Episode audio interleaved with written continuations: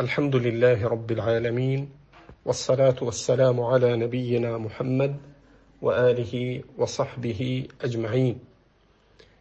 أما بعد فقد أخرج الإمام البخاري في صحيحه عن أبي هريرة أن رسول الله صلى الله عليه وسلم قال يصلون لكم فإن أصابوا فلكم وإن أخطأوا فلكم وعليهم.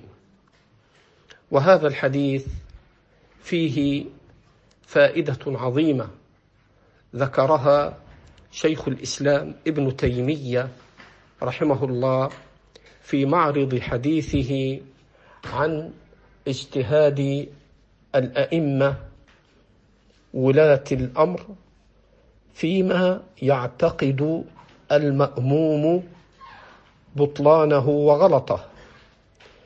فتكلم شيخ الإسلام ابن تيمية في هذا ثم قال رحمه الله تعالى فقد ثبت في صحيح البخاري عن النبي صلى الله عليه وسلم أنه قال يصلون لكم فإن أصابوا فلكم ولهم وإن أخطأوا فلكم وعليهم. قال شيخ الإسلام رحمه الله وهذا صريح في المسألة. ولأن الإمام صلى باجتهاده فلا يحكم ببطلان صلاته. ألا ترى أنه ينفذ حكمه إذا حكم باجتهاده؟ فالائتمام به أولى. والمنازع بنى ذلك على أن المأموم يعتقد بطلان صلاة الإمام وهذا غلط.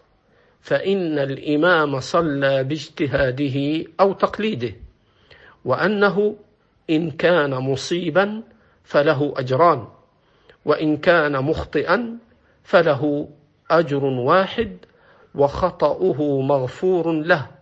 فكيف يقال إنه يعتقد بطلان صلاته؟ ثم من المعلوم بالتواتر عن سلف الأمة أن بعضهم ما زال يصلي خلف بعض مع وجود مثل ذلك فما زال الشافعي وأمثاله يصلون خلف أهل المدينة وهم لا يقرؤون البسملة سرا ولا جهرا. ومن المأثور أن الرشيد احتجم فاستفتى مالكا فأفتاه بأنه لا وضوء عليه فصلى خلفه أبو يوسف ومذهب أبي حنيفة وأحمد أن خروج النجاسة من غير السبيلين ينقض الوضوء ومذهب مالك والشافعي أنه لا ينقض الوضوء فقيل لأبي يوسف أتصلي خلفه؟ فقال سبحان الله. أمير المؤمنين. فإن ترك الصلاة خلف الأئمة لمثل ذلك من شعائر أهل البدع كالرافضة والمعتزلة. انتهى كلام شيخ الإسلام ابن تيمية رحمه الله تعالى.